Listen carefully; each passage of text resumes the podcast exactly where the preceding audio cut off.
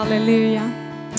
Tack Jesus, tack Jesus för att du har gett oss den här heliga stunden med dig ikväll. Oh, halleluja.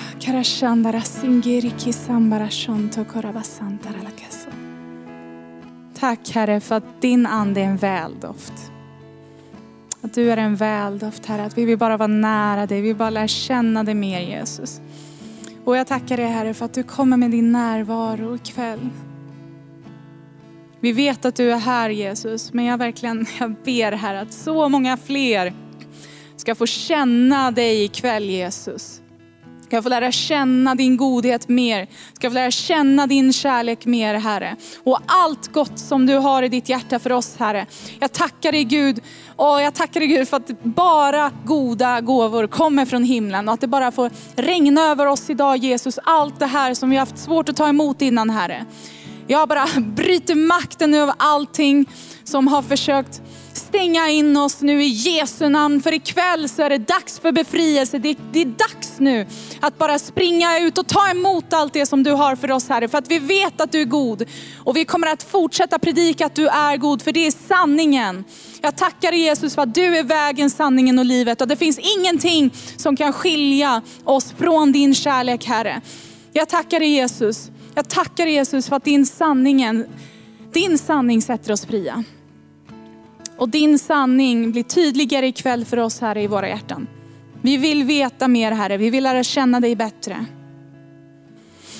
Mm, tack Jesus. Tack Jesus för att ditt namn är över alla andra namn. Att vi bara kan vila ikväll Herre. Medan du arbetar. Tack Jesus. I Jesu namn, Amen. Tack Jesus.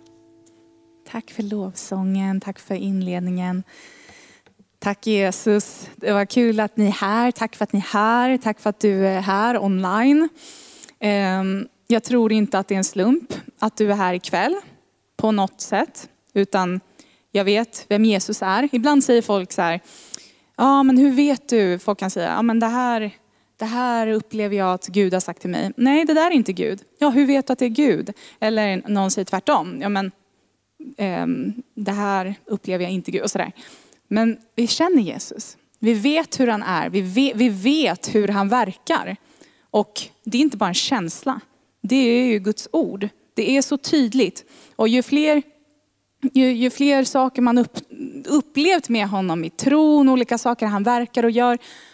Alltså vi vet att han är god. Och det finns ingen som kan stjäla det ifrån oss. Oavsett, det finns många som säger annat också. Men Guds ord är det som är sanningen. Och det är sanningen jag ska tala om ikväll. Det är sanningen, det är Jesus. Och det finns så mycket saker som eh, vi söker i hans hjärta. Ehm, men jag vet att han också vill uppenbara det.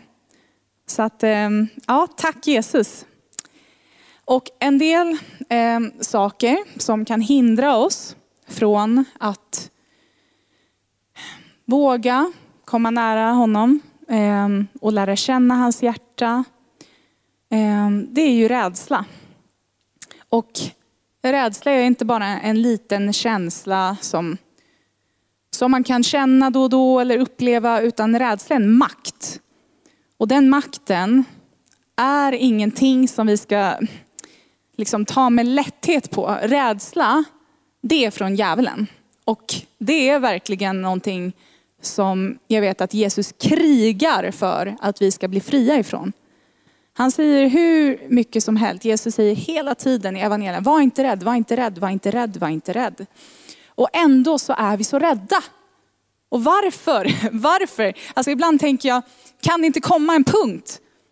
Kan vi inte komma till en punkt där vi bara känner att, ja, men vad skönt nu är jag inte rädd längre för att jag har läst Bibeln så många gånger. Eller jag har, nu kommer jag ihåg den här erfarenheten att jag behövde ju inte vara rädd då, så jag behöver inte vara rädd nu.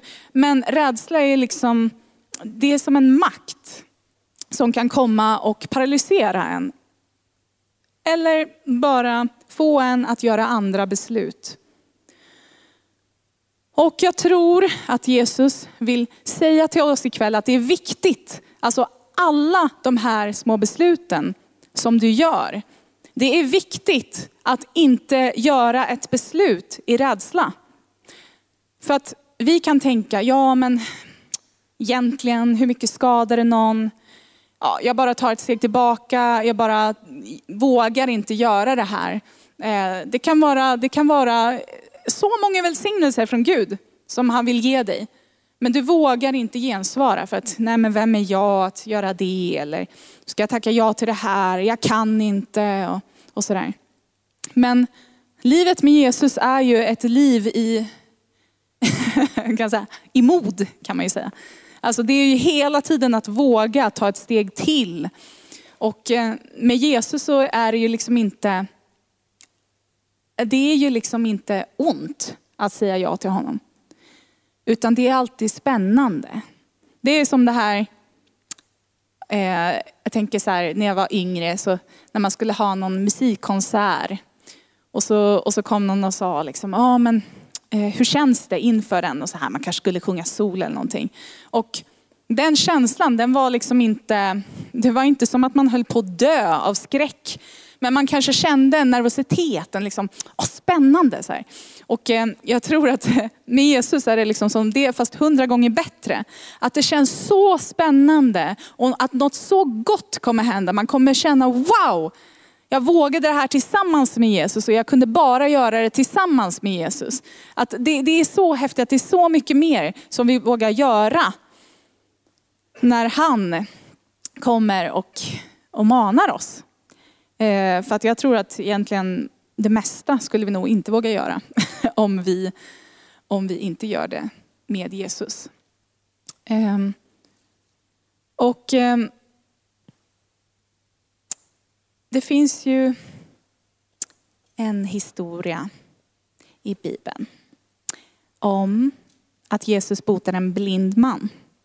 Och vi kan gå till den i Markus evangelium i kapitel 8. Ehm, och vers 22. Det var i Betsaida. Man förde fram en blind man till Jesus och bad honom röra vid mannen. Då tog han den blindes hand och ledde honom ut ur byn. Han spottade på hans ögon, eh, la händerna på honom och frågade, ser du något? Han öppnade ögonen och sa, jag ser människorna, de går omkring, men de ser ut som träd. Och då la Jesus händerna på hans ögon igen. Och nu såg han bra och var återställd och såg allt tydligt och klart. Och så är det ju när vi träffar Jesus. Alltså, vi kan vara, vi kan vara lite blinda. Vi kan vara mycket blinda också. Och det, det känns som att eh, ja, man, man upptäcker ju hela tiden. Ingen är liksom helt fulländad, tack och lov. Eh, utan alla har liksom olika uppenbarelser och ja, olika, olika, man ser helt enkelt olika saker. Och Jesus vill ju, det här är ju så uppenbart, han vill att vi ska få synen tillbaka. Det finns till exempel många saker som vi såg när vi var små. Men när vi blev äldre slutar vi se dem. Vi kanske tänker på andra saker. Vi kanske ja, helt enkelt tänker på andra sätt av olika erfarenheter. Ni vet, det är, det är olika saker som kan stjäla vår syn. Som vi, vi låter liksom komma och täckas. Och det är ju sådär jag har hört med ögonsjukdomar också. Att liksom, det är inte som att en dag vaknar du blind. Ah, ja, ah, ah, nu måste jag operera. Utan det är hela tiden, det är liksom någonting som kommer sakta. Så här, ja ah, men nu ser jag lite dåligt i mörker. Eller oj, nu börjar jag, nu ser det lite konstigt ut när jag tittar på solen. Aha, nu, alltså lite sådär. Och när jag har mött människor som har någon typ av ögonsjukdom när de har berättat, då, då är det som, jag ser inte det. Alltså, jag, jag ser inte. Och, och, ibland så kan människor komma med linser eller glasögon och de säger, alltså jag är egentligen blind utav de här, alltså jag är nästan blind. Men, och vissa kommer och säger, ja men jag kommer bli blind om, om eh, liksom ett litet tag, säger läkarna då. Eh, för att den här sjukdomen liksom håller på i mina ögon. Men det märks inte. Det är bara de själva som märker och, och ser mindre och mindre. Och det kan ju vara så också som med den här mannen. Att när Jesus kommer, han är ju sanningen. Och sanningen sätter dig fri. Ehm, och när han la händerna på honom och han frågade, ser du något? Det finns många saker som vi kanske inte får hela uppenbarelsen direkt. Aha, nu har jag helt full syn, helt koll på läget. Det är precis som du ska åka mm, flygplan, liksom upp i luften. Det är inte som att du bara poff, och så är du där och ser allt och har stenkoll. Utan du lyfter sakta men säkert. menar, jag, jag är inte pilot, men jag antar att man måste verkligen se över och, så att det går bra till och allting måste hamna på plats. Det är, det är en del saker som ska till för att du ska kunna lyfta. Och till slut kommer du upp där på höjden och då ser du helheten. Och det, det kan vara så när Jesus berör oss. Han kommer liksom, först så sa mannen, ja jag, jag ser människorna. Jag ser dem. Och de går omkring. Men de ser ut som träd. Och ibland kan vi ju stanna där också och tänka, åh wow, vilken uppenbarelse. Alltså tänk dig från att vara blind till att se människor som träd. Det måste ju vara ett enormt steg, inte sant? Det är, bara det är ett helt, alltså otroligt mirakel. Och ibland så kan det kännas också läskigt att möta Jesus så nära inpå att det händer. Alltså tänk er, Jesus kom och det står att han spottade på hans ögon, tog händerna på honom. Alltså det kan ju vara ganska intimt, eller?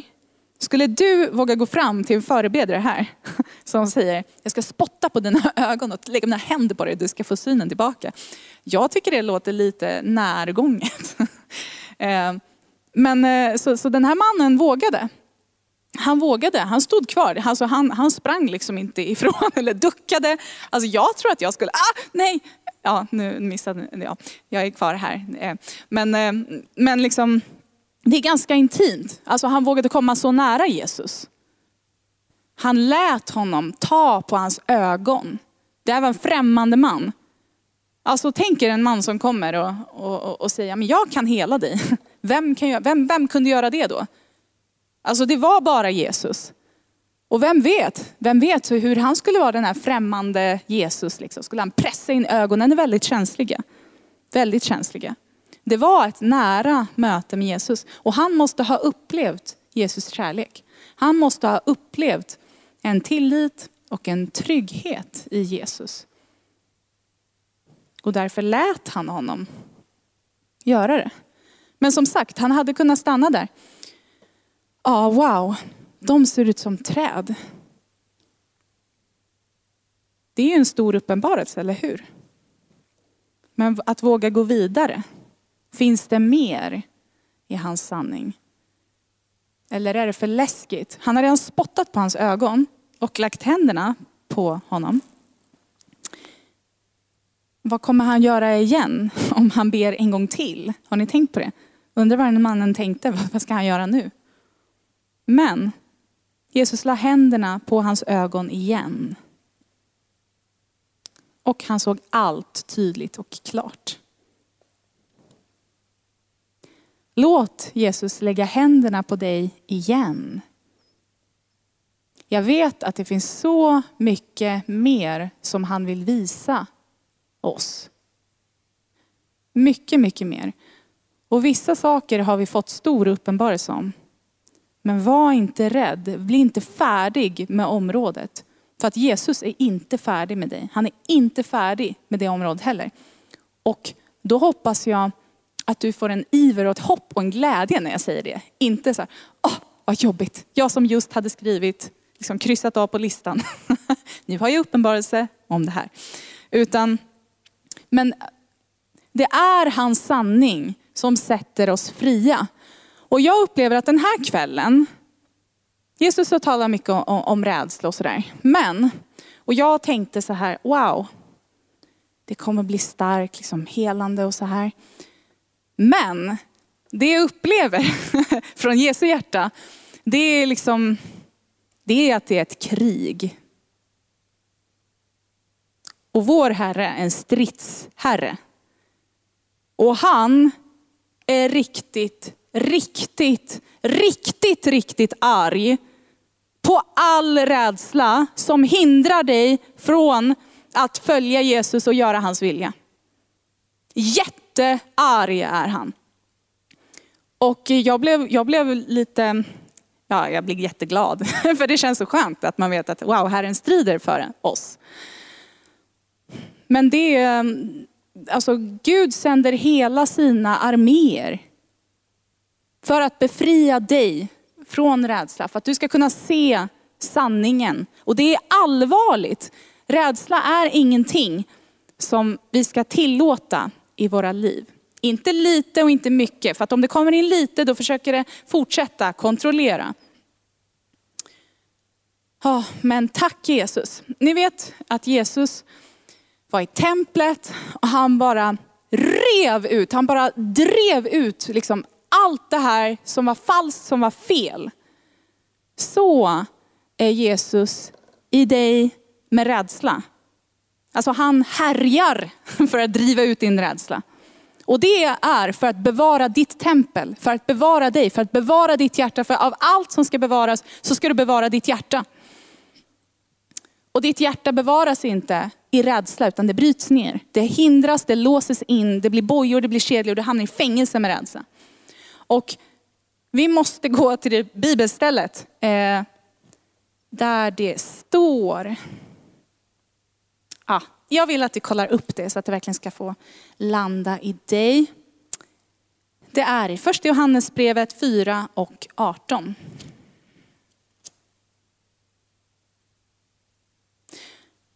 Första Johannesbrevet, nej det är 3 och 18, ursäkta. Nej, nej, nej. Nej, det var 4 och 18. Så. Första Johannesbrev 4 och 18.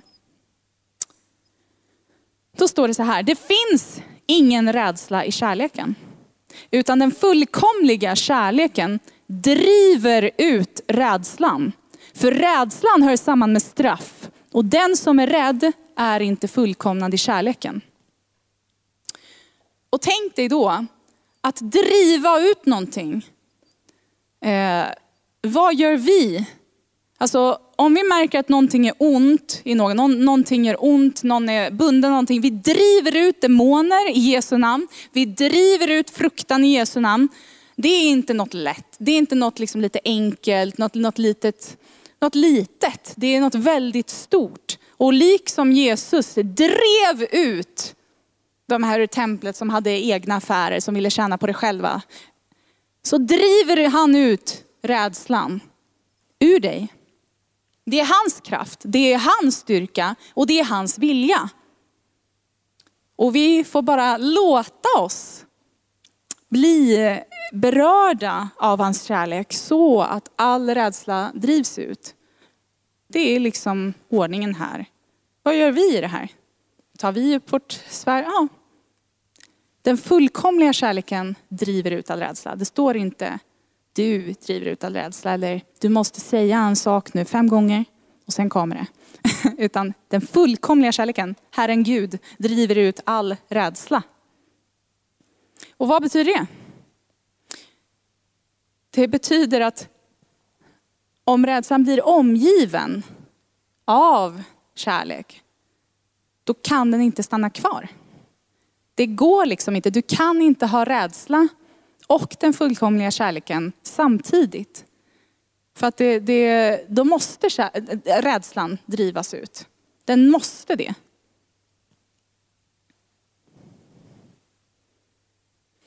Tack Jesus. Och eh, nu har vi talat en del om rädsla. Men det här är alltså, kan man säga, Jesus är ju liksom, han är medicinen för all rädsla. Alltså, ibland kan man vara rädd för någonting och så möter man Jesus och så bara är man inte rädd längre. Det var som jag förut, eh, innan jag kom hit. Varenda gång som jag skulle gå från tunnelbanan till min lägenhet så var jag rädd. För jag hade läst massa eh, i tidningen, vad som kunde hända, unga tjejer, och liksom man går förbi en skog och så här. Alltså jag var rädd varje gång.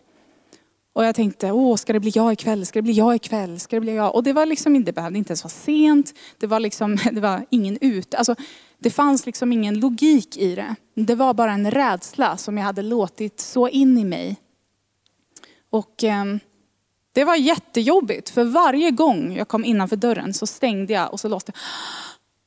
Jag överlevde den här kvällen också. Det är så hemskt att bära på rädsla. Det är så hemskt. Förstår ni hur många kvällar i mitt liv som jag har oroat mig och ingenting hände? Och Gud hade sitt beskydd över mig. Men jag var inte säker. Men när jag kom hit, jag tror inte ens att jag, jag sa inte det här till någon. Det här tänkte jag, ni vet man tänker inte sådana här, jag hade nog inte sagt det riktigt sådär, blivit medveten om det. Men de, det var liksom andra saker som hände här och sen plötsligt så jag började gå hem och jag kände mig så trygg. Och jag vet liksom inte, jag bara var så glad. Vilken känsla att kunna gå hem sent och bara känna att Gud beskyddar mig. Och det kändes så skönt. Jag bara tänkte så om någon skulle försöka närma sig mig, då skulle han bara flyga bort. För att den helige ande skulle stå som en sköld så här. Och jag var så säker. Jag kunde gå och sjunga högt, liksom, lovsång. Det var... Och det liksom, det är frukten av Guds hjärta. För det bara drevs ut. Jag vet inte hur det hände. Och det är så han jobbar. Det är liksom, han, för honom, han är allsmäktig. Det är enkelt för honom. Även de här svåra rädslorna vi har, även, eller svåra rädslor, men det här som man tänker är liksom det värsta någonsin. Eller, eller liksom någon sån här krypande rädsla som försöker att var mer typ som min rädsla. Det var ju inte som att, om någon frågade mig på dagen, liksom, ah, vad är du rädd för? Ja, men jag är jätterädd för att någonting ska hända mig när jag går hem. Det var inte någonting jag tänkte på. Det, är bara, det kändes som att om någon skulle fråga mig, nej men vadå, det är en allmän sak, man måste vara rädd. Det är många som säger det är bra att vara rädd, för att det är en, ett slags självförsvar. Man ska, man ska vara rädd. Eh, men jag tror inte det. Om Jesus säger att man inte ska det, varför ska man det? Alltså varför, varför ska vi tänka, ja men det är bra så att jag skyddar mig själv. Vem är det som skyddar mig? Det är Jesus som skyddar mig. Det är han som tar hand om mig. Varför ska jag försöka ta någonting? Liksom? Och det, det är sådär, eh, liksom när man gör saker. Eh, och så kommer någon och säger så här, ja men du vet väl att det där är väldigt farligt. Eh, och, och, du behöver tänka på det här och det här och ifall det här händer. Till exempel, Eh, jag var utomlands här för ett tag sedan. Och eh, då var det en som sa till mig, ja du ska veta att det kan finnas hajar i de där vattnena. Eh, och du måste vara försiktig eller någonting sånt. Ehm, och då, då, då var det liksom så här, jag kände bara att det enda, vad ska jag göra med den informationen? Vad ska jag göra med den informationen? För ska jag simma med en, med en liksom, jag vet inte, med ståldräkt eller liksom, vad ska jag göra med den informationen? Alltså, vad ska jag göra? Tänk om det kommer en haj? Ja, vad händer? Ska jag liksom inte ens bada? Eller liksom, vad, vad ska jag göra med den informationen? Jag är ingen hajexpert, jag vet inte hur man slår den. Jag har fått lite information om hur man kan liksom försöka nudda den och så här och göra. Men jag sa det att eh, liksom, jag, är inte, jag är inte starkare än hajen och så här. Det är inte som att jag bara, okej okay, nu är jag redo, jag kanske kan brottas. Jag, ska, alltså, det, jag sa, det enda jag kan göra med den här informationen är att be. Och jag sa, du skyddar mig på bästa sätt genom att be för mig. Att det inte kommer någon haj. Och så sa jag det också att det enda, alltså egentligen det största skyddet jag har, det är Jesus. Vad han kommer säga. Han kommer berätta, gå, simma inte dit. Då vet jag att, det är, att jag inte ska simma dit. Och jag lyssnar på det. Och då vet jag det. Det är liksom inte i egen kraft eller egna gärningar som vi kan kämpa. Eller liksom, det är inte här uppe i huvudet som vi har all information och som vi kan beskydda oss från allting. Det är bara Herren Jesus Kristus som vi kan lita på. Och det vet vi. Och jag vet, alltså han gör det. Han säger, det är något viktigt. Annars hade jag varit mycket räddare. Och vi ska bli av med rädslor ikväll. Och jag vet att tyvärr, alltså att alla har olika rädslor för olika saker. När jag kom hit till bibelskolan, så jag skäms, men jag tänker berätta ändå. Eh, då, då var det så att de, de, eh, man skulle skriva ner på en lapp alla sina rädslor. Jag tror att man gör det än idag. Eh, och, och jag skulle vara så himla tuff. Och eh, Gud hade liksom verkat så mycket i mig så jag kände så här, nah, vad finns kvar? Så jag sa så här, äh, men jag tror inte jag har någon rädsla kvar.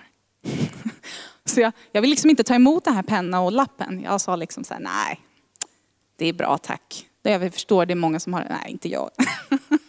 och, då, och den här förberedaren, tack och lov, sa inte ett ord. Hon tittade på mig och liksom initierade, ta det. Liksom. Och jag tänkte så här, ja visst, jag kan ta det. och jag tänkte så här, ja ja. Alltså det gick inte lång tid innan Gud bara, och så började det liksom komma det här och det här och det här. Och, det här. och jag bara, alltså det blev, det blev så här, ni vet man kan vara så blind också. Man tror att man vet vem man är. Man tror att man vet vad som finns på ens insida. För när man börjar bibelskolan, Jesus hela upprättar, som, där Jesus verkligen talar sanningen. För man kommer ju hit och tänker, ja men man säger ja Jesus, ja Jesus, visa mig allt, rena mig, befria mig, rena min själ, eh, liksom ta bort allt det förflutna, alltså som är jobbigt och liksom, man vill ju bli av med allting. Eh, och då måste man ju vara redo också att Gud visar den sanningen. det kan vara läskigt, men återigen, det är värt det för att Gud är kärlek och han gör det med sina kärleksfulla händer. Kärleksfulla händer lägger han på dig. Och eh, det var så fantastiskt och skönt och det var en otroligt stor liksom, vändpunkt i mitt liv den dagen. För att då fick vi skriva på lappen liksom, alla rädslor man kunde komma på. Och det bara, liksom, det bara rann över och bubblade. Liksom. Jag tror jag fick ta en till lapp sen. Eh, och det var liksom, ja. Eh, och det var ju det här, alltså jag hade ju förnekat det själv. Jag visste ju, alltså det är det där, jag ville ju vara ärlig, jag ville ju vara sann. Men jag visste bara inte, jag hade liksom, det hade väl varit så mycket rädsla att man lägger locket på, och nej, nu är jag tuff. Men då skrev jag ner allt. Och sen, det var ett så stort steg liksom, när de kom då med en korg.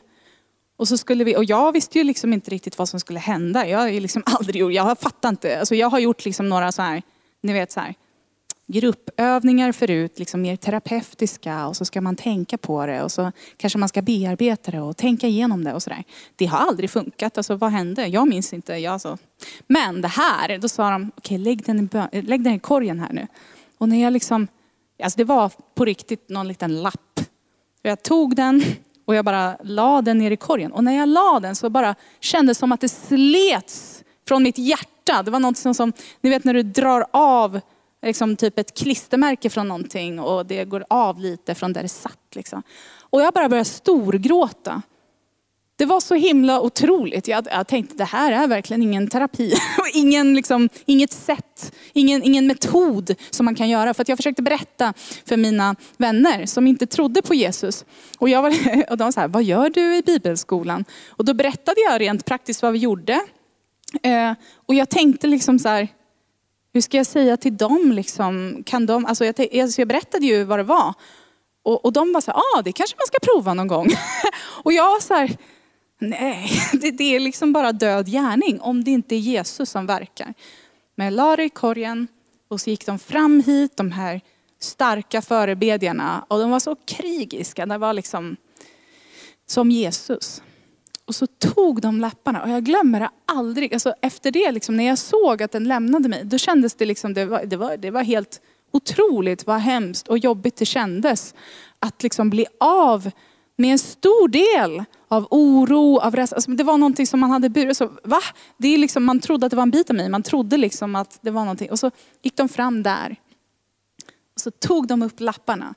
Och samtidigt som de liksom bad och liksom band och bröt rädsla och bara bad i tungan så bara slet de sönder dem. De rev dem så här.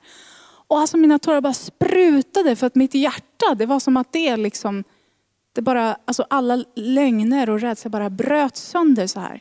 Och efter det, efter de hade brutit, alltså brutit sönder de lapparna, då bara hällde de dem på golvet så här. Och så gjorde de, stampade så här och så gjorde de så här. De liksom kned ner dem under Jesu fötter.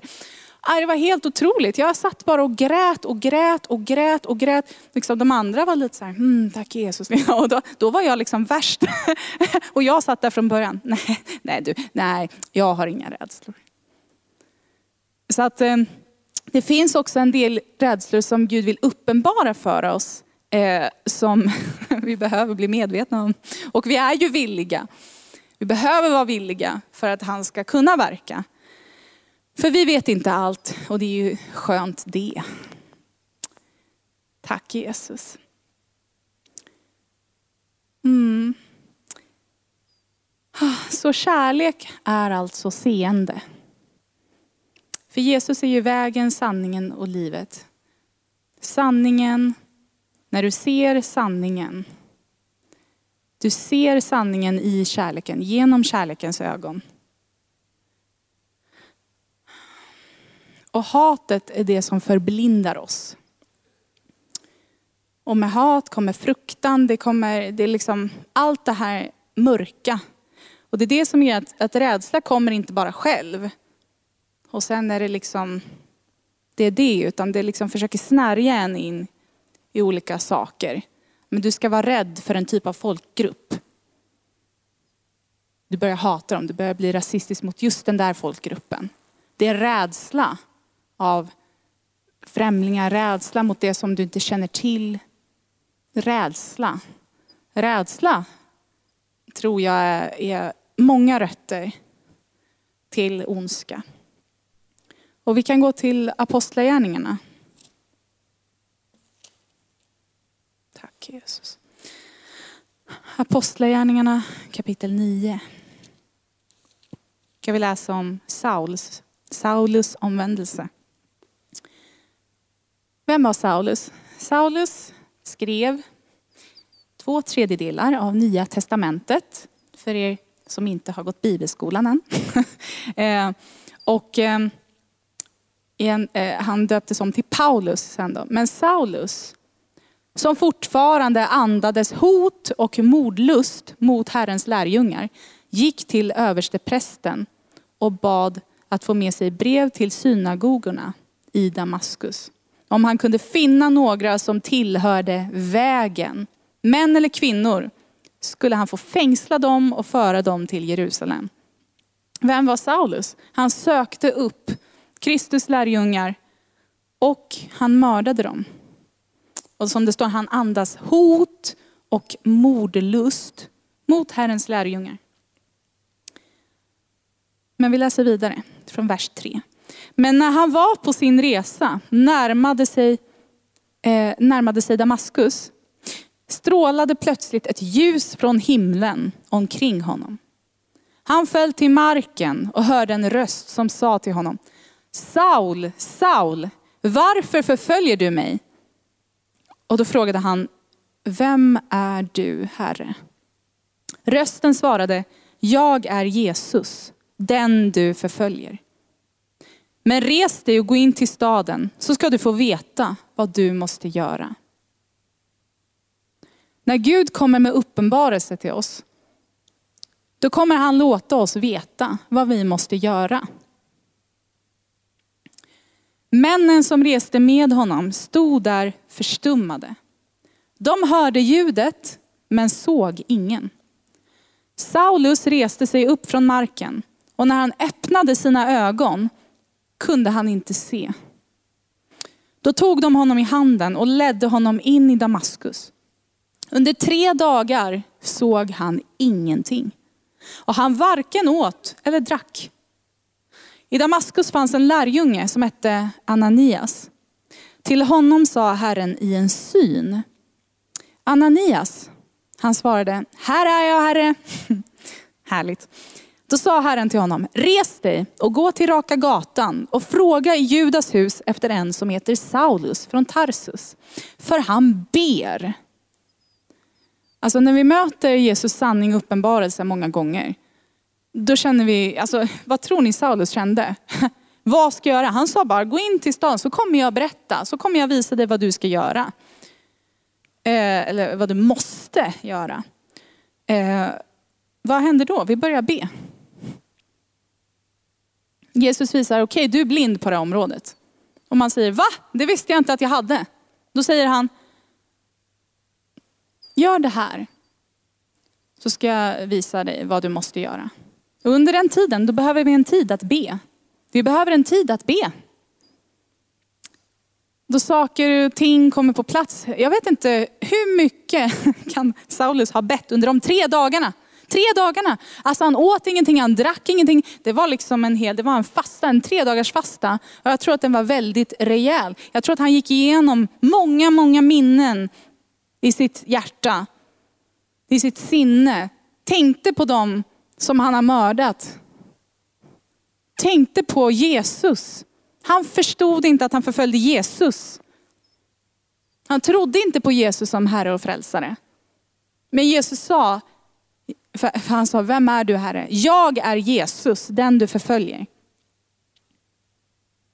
Men vi fortsätter. Han ber starkt.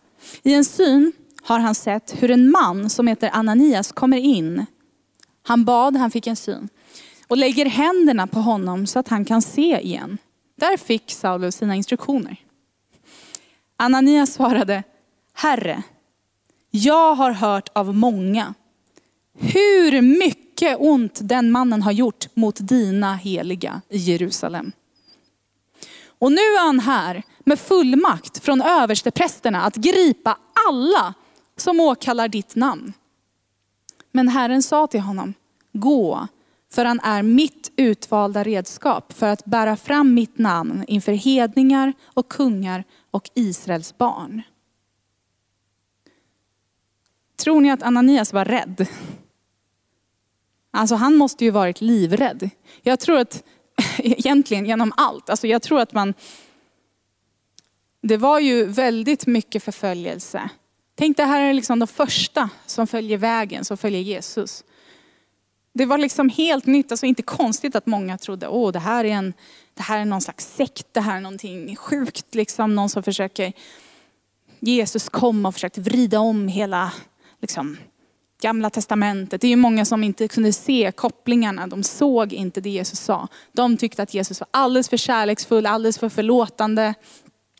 Men de såg inte kopplingarna och att Jesus var syndaoffret, alltså för hela världens synder och för att vi skulle bli försonade med Gud. De kunde inte se det. De tittade för mycket på annat.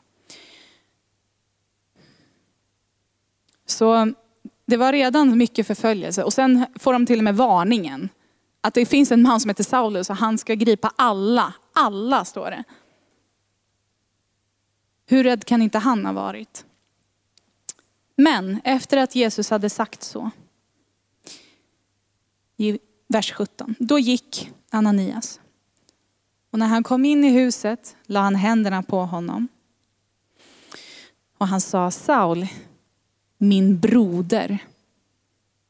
Alltså, jag ska tänka er, jag tror att hans röst darrade. Att han verkligen kände, oh, hur ska jag liksom övervinna den här rädslan? Alltså han ser den mannen men han säger i tro på Gud, Saul min broder. Han liksom måste proklamera ut här, oh, läskigt. Med alla männen med honom. Alltså han hade ju liksom hela styrkan med. Nej, men då ska han gå fram där. Herren Jesus, som visade sig för dig på vägen hit, har sänt mig för att du ska kunna se igen. Se igen och bli uppfylld av den helige ande. Och genast var det som om fjäll fröll från hans ögon. Han fick tillbaka sin syn och han reste sig och blev döpt. Sedan åt han och fick nya krafter. Och så där är det när vi övervinner rädsla. Det här såg ut som slutet för Ananias totalt. tänk er att du, du hör ryktet liksom att han är i staden, han ska få plats alla. Det står inte att han ska han söker efter någon speciell. Då kanske Ananias skulle säga, åh vad bra, det är inte jag liksom. Eller, eller liksom få be för någon bror. Han, sa, han ska rensa hela, han ska kamma hela stan. Och bara döda dem. Alltså han ska utrota, han försökte utrota kristendomen. Jesus följare. Han försökte utrota den totalt. För att det bara ska inte finnas någonting kvar. Och så ska, ska ingen komma ihåg det liksom. Men han gensvarade. Han, han, han, han gjorde precis som Jesus sa. Och jag tror inte att Ananias hade kunnat tänka ut hur bra det här skulle bli. Att jag som står här, liksom, 2000 år senare, skulle berätta om Paulus. Som liksom dog för evangeliet. Alltså tänk er, alltså jag tänker så här. Våra tankar är inte Guds tankar. Så mycket högre som himlen är över jorden. Så, så mycket högre är Guds tankar än våra tankar. Alltså, jag kan tänka mig att, vad kan man tänka rent mänskligt? Ja, kanske Anias tänkt att, ja okej, okay. han kommer liksom, okej, okay. han har sett att han blir fri i en syn. Eh, och att Gud har sagt, jag kommer använda honom. Men då kanske han tänker, han blir en av oss, vi går tillsammans och sådär. Men han kunde nog inte tänka sig att han skulle skriva liksom, två tredjedelar av Nya Testamentet. Att han skulle åka runt, starta församlingar. Att han skulle liksom, eh, bli dödad, bli uppväckt från de döda, fortsätta predika. Alltså, Paulus var ju verkligen, alltså han var ju så radikal för Jesus. Och utan honom vet jag inte, vad hade hänt? Vad hade hänt om inte Ananias hade vågat möta honom? Och så kan det vara för oss också. Alltså det kan vara människor vi är rädda för eller vi känner att vi kanske inte har förlåtit eller vi kan känna ett hat eller ett förakt mot någon. Men tänk om vi bara skulle gå emot, för det här är ju lögner. För det finns ju faktiskt ingen anledning att vi ska känna det gentemot människor. För det är inte människor, det är inte mot kött och blod som vi kämpar. Punkt, slut. Utan det är mot andra makter bakom.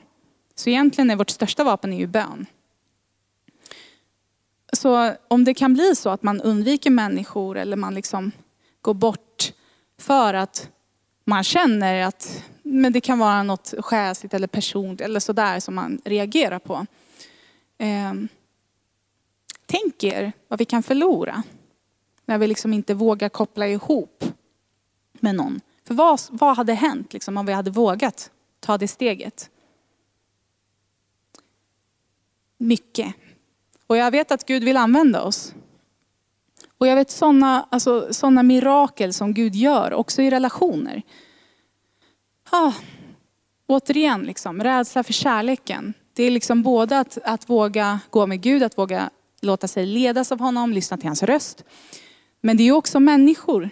Det står att du ska älska din nästa som dig själv. Det är väldigt mycket. Du ska älska Gud, du ska älska dig själv, du ska älska din nästa. Och det, det är liksom Guds standard. Det är liksom han säger, nu har du hela budet. Om du gör det, då kommer nog allt annat lägga sig i plats. För då vill du inte stjäla från någon. Då vill du inte skada någon. Du vill inte förstöra liksom någonting. Om du älskar alla människor Och det är ju liksom Guds kärlek. Genom hans kärlek så kan vi älska alla människor. För det är ju han som har älskat oss. För det är ju bara hans kärlek som vi har. Ta emot och att ge. Och jag vet det själv. Jag vet, det var en vän som Gud sände in i mitt liv. Som han menade, det här är en viktig vän. Liksom. Det här är en, en vän från mig. Men den här vännen sårade mig jättedjupt. Och jag kände bara att det var liksom, om det hade varit, om inte Gud hade visat starkt att det var liksom en, en välsignad relation. Då hade jag alltså inte klarat, för jag kände bara, men Gud det går inte. Alltså okej okay, jag kan förlåta. Men det, det, här är liksom ingen som jag vill ha nära. För det här är, det här är liksom helt otroligt. Det var, det var som att jag bara blödde liksom inombords. Eh, så jag sa till Gud så här, okej, okay, det som du har sagt, att det här är en vän från dig och att det är din vilja, för jag vill göra Guds vilja. Då sa jag så här, då får du fixa det här blödande såret. Då får du fixa det. För jag vet inte, jag kan inte. Liksom. Det, var, det var så ont. Och det här var en kväll jag bad till Herren. Och sen lämnade jag det till Gud. Så jag gick och la mig och sov. Och det var ju fantastiskt att Gud gav mig sömn. Ni vet ibland när man är så ledsen så, så kanske man inte sover på hela natten eller det bara liksom snurrar så här och man försöker liksom, ja, tänka och så. Men jag bara sov i Guds frid. Och sen dagen efter, så ni vet också när man är så sårad, och, då, då liksom kan det vara svårt att man, man lyssnar inte på Gud. Man tänker på alla tankar man har och rädsla och liksom, åh, ska allt bli förlorat? Men det, så bara, när jag vaknade på morgonen så bara talade Gud så tydligt. Ni vet, så här, först, han bara sa sanningen, han bara talade med lugn. Och sen under dagen så bara kom det en människa till mig. Så han bara, något ord från himlen. Liksom, här är ett bibelord. Och jag bara total brast i gråt. Och efter det, jag kan inte, alltså, jag har ingen aning om liksom hur Gud gjorde det här. För att det här är inte naturligt för mig.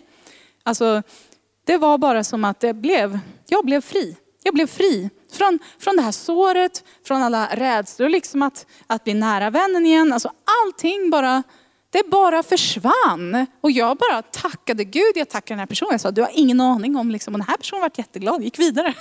Och sen, det var helt otroligt. Liksom. Jag helt, det här är nog det största miraklet jag, jag varit med om liksom, i relationer. Och sen den här personen, min vän, han sa det, att, det var som att han insåg senare liksom, vad han hade sagt, vad han, vad han hade gjort. Och då, sa han, liksom, nej men fy, förlåt mig verkligen. Eh, för att jag sa det här, liksom, det måste ju verkligen varit jättesårande. Och jag var liksom, jag var, jag var så glad. Jag bara sa, ja men jag har förlåtit dig. Och sådär. Ja men är du verkligen säker? Vi, alltså, eh, liksom, han var liksom verkligen misstänksam då. För han tänkte att han är ju verkligen skadat mig. Hur kan hon vilja vara vän? Eller liksom, förstår ni? Håller hon, vågar hon inte säga? Då jag sa det, det här är inte liksom naturligt. Alltså det här är helt övernaturligt. Men jag verkligen känner att det här är liksom över. Det är Guds vilja. Att du är min vän. Och tänk vad bra det kan bli. Jag hade, jag hade kunnat bli så rädd. Jag hade kunnat strunta i liksom alltihopa.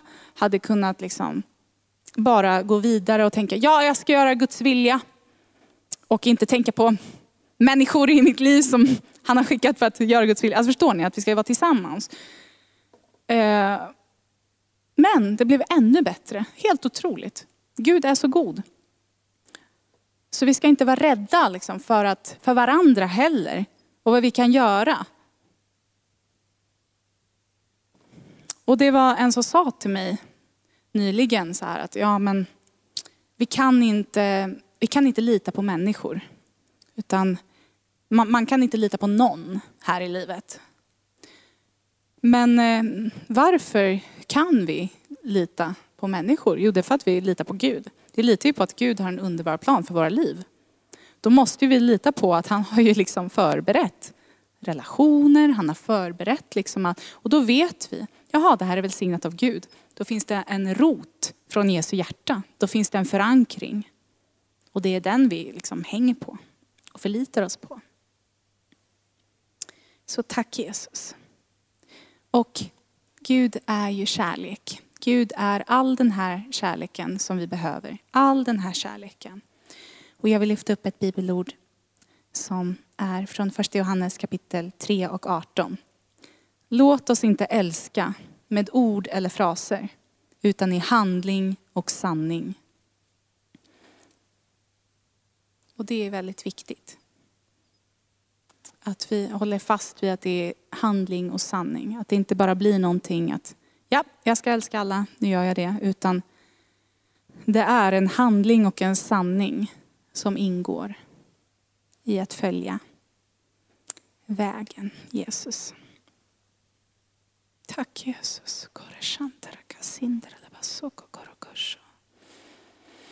Tack Jesus. Tack Jesus. Jag kan avsluta också med det här bibelordet att från Johannes kapitel 13 och 34. Ett nytt bud ger jag er. Att ni ska älska varandra. Så som jag har älskat er ska också ni älska varandra. Om ni har kärlek till varandra ska alla förstå att ni är mina lärjungar. Och det är det allting handlar om. Det allting handlar om. Vi ska visa Jesu kärlek på den här jorden. För att så många som möjligt ska bli fyllda av hans kärlek och följa med till himlen sen. Kortfattat sagt. Tack Jesus, halleluja. Karashantara, jag ska be lite. Kindara kashandara kasan. David, du kan komma upp och, och spela lite om det. När du vill. Halleluja. Rashankira basanti kira santara kashondoro kosandara kasandara kasopa koshantara kasan. Jag tackar Jesus för att hela himlen strider för oss. Jag tackar dig Herre för att du har sänt så många människor in i den här världen Jesus för att rädda oss Herre.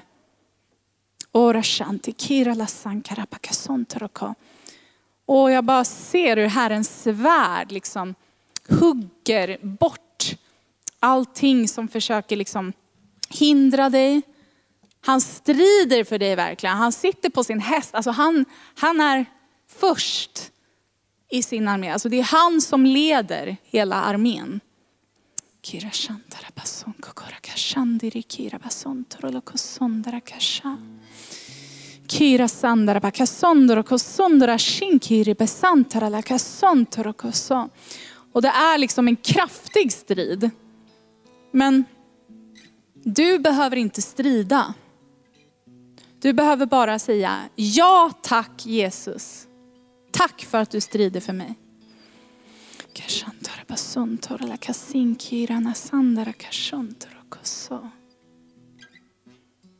Och jag tackar dig Herre för att just nu, jag bara löser ut din kärlek just nu Herre som driver ut all rädsla. Och det är en så stark kärlek. Det är en stark kärlek som krossar berg, som krossar murar. Kira Shandara, Lavasonko Kora Kasantara, Shantara som krossar alla barriärer, alla barriärer, varenda ord som, som säger emot Guds ord, den bara får tystna nu i namnet Jesus. Kiri Shikiri Kissa, jag bara tar auktoritet över allting som försöker hindra, hindra dig från att se på Jesus just nu. Kira shi, kira masandara la sokokora mashankiri kira sontoroko sondoroko Och du kan bara lägga handen på ditt hjärta nu. För att Jesus verkar där och han smälter allt det som varit fruset. Och du kan uppleva att vissa delar, eh, inte, det känns liksom ingenting. Det kanske känns tomt, det kanske inte känns som att du har rädsla. Det kanske inte känns som att du har hat, det känns som att du kanske inte har någonting där. Men när du lägger din hand på ditt hjärta nu så verkar han. Han verkar på det området och han kommer smälta det frusna som har paralyserat och kanske fryst en del av ditt hjärta. Som också hindrar dig från att liksom känna honom och att verka där. För du kan inte gå in i ett rum som är helt infruset, det är bara is där. Du kan inte liksom slå dig igenom utan Herren smälter, han kommer med sin eld. Återigen, liksom, han kommer med hela armén av eld. Och det är inte farligt. Det är inte farligt. Det kommer bli jättemycket vatten som kommer liksom forsa ut.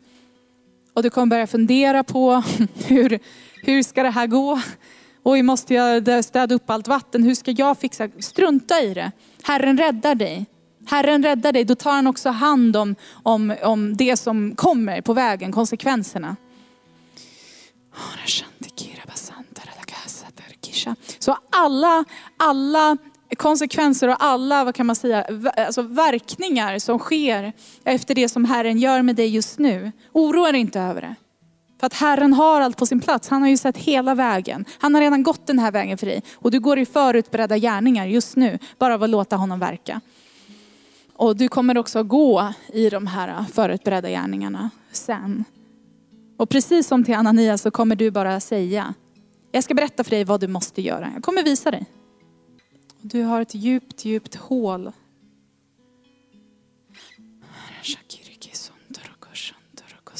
Det är som att gå in i en grotta djupt.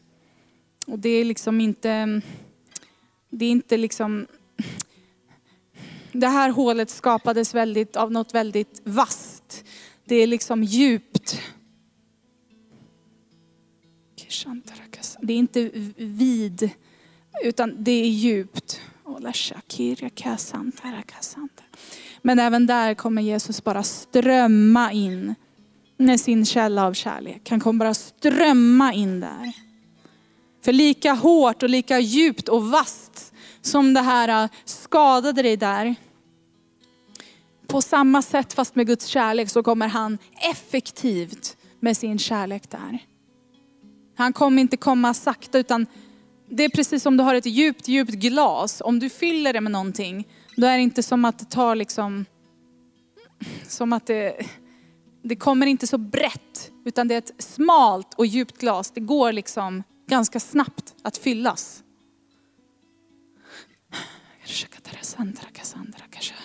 Och för du hungrar också efter hans kärlek. In i det här hålet. Du är så törstig. För det är så torrt där inne. Och det har ekat där inne så länge.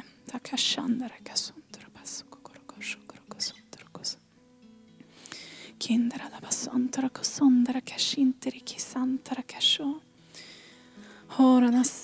la shikiri kisantara la kashontara kosandra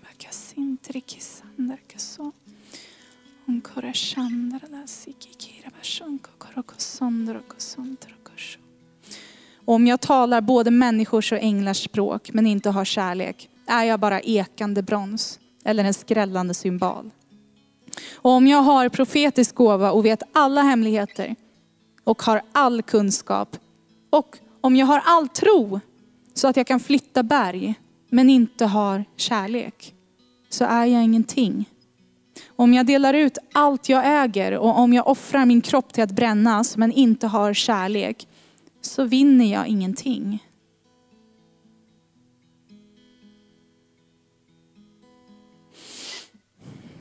Tack Jesus. Mm, tack Jesus.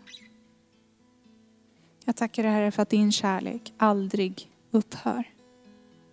Den består Herre. Jag tackar Jesus för att det är din kärlek som har räddat oss. Det är din kärlek. Bara du Herre som kunde räddat oss. Tackar dig för att du har dött för oss, för att du har blödit för oss, för att du har uppstått för oss Herre. För att du har gått igenom allt för oss Jesus. Jag tackar dig Herre för att du fortfarande, du fortfarande ber för oss. Att du aldrig ger upp oss. Du fortsätter älska oss trots allt Herre. Genom allt. Genom all vår oförståelse och ovilja ibland.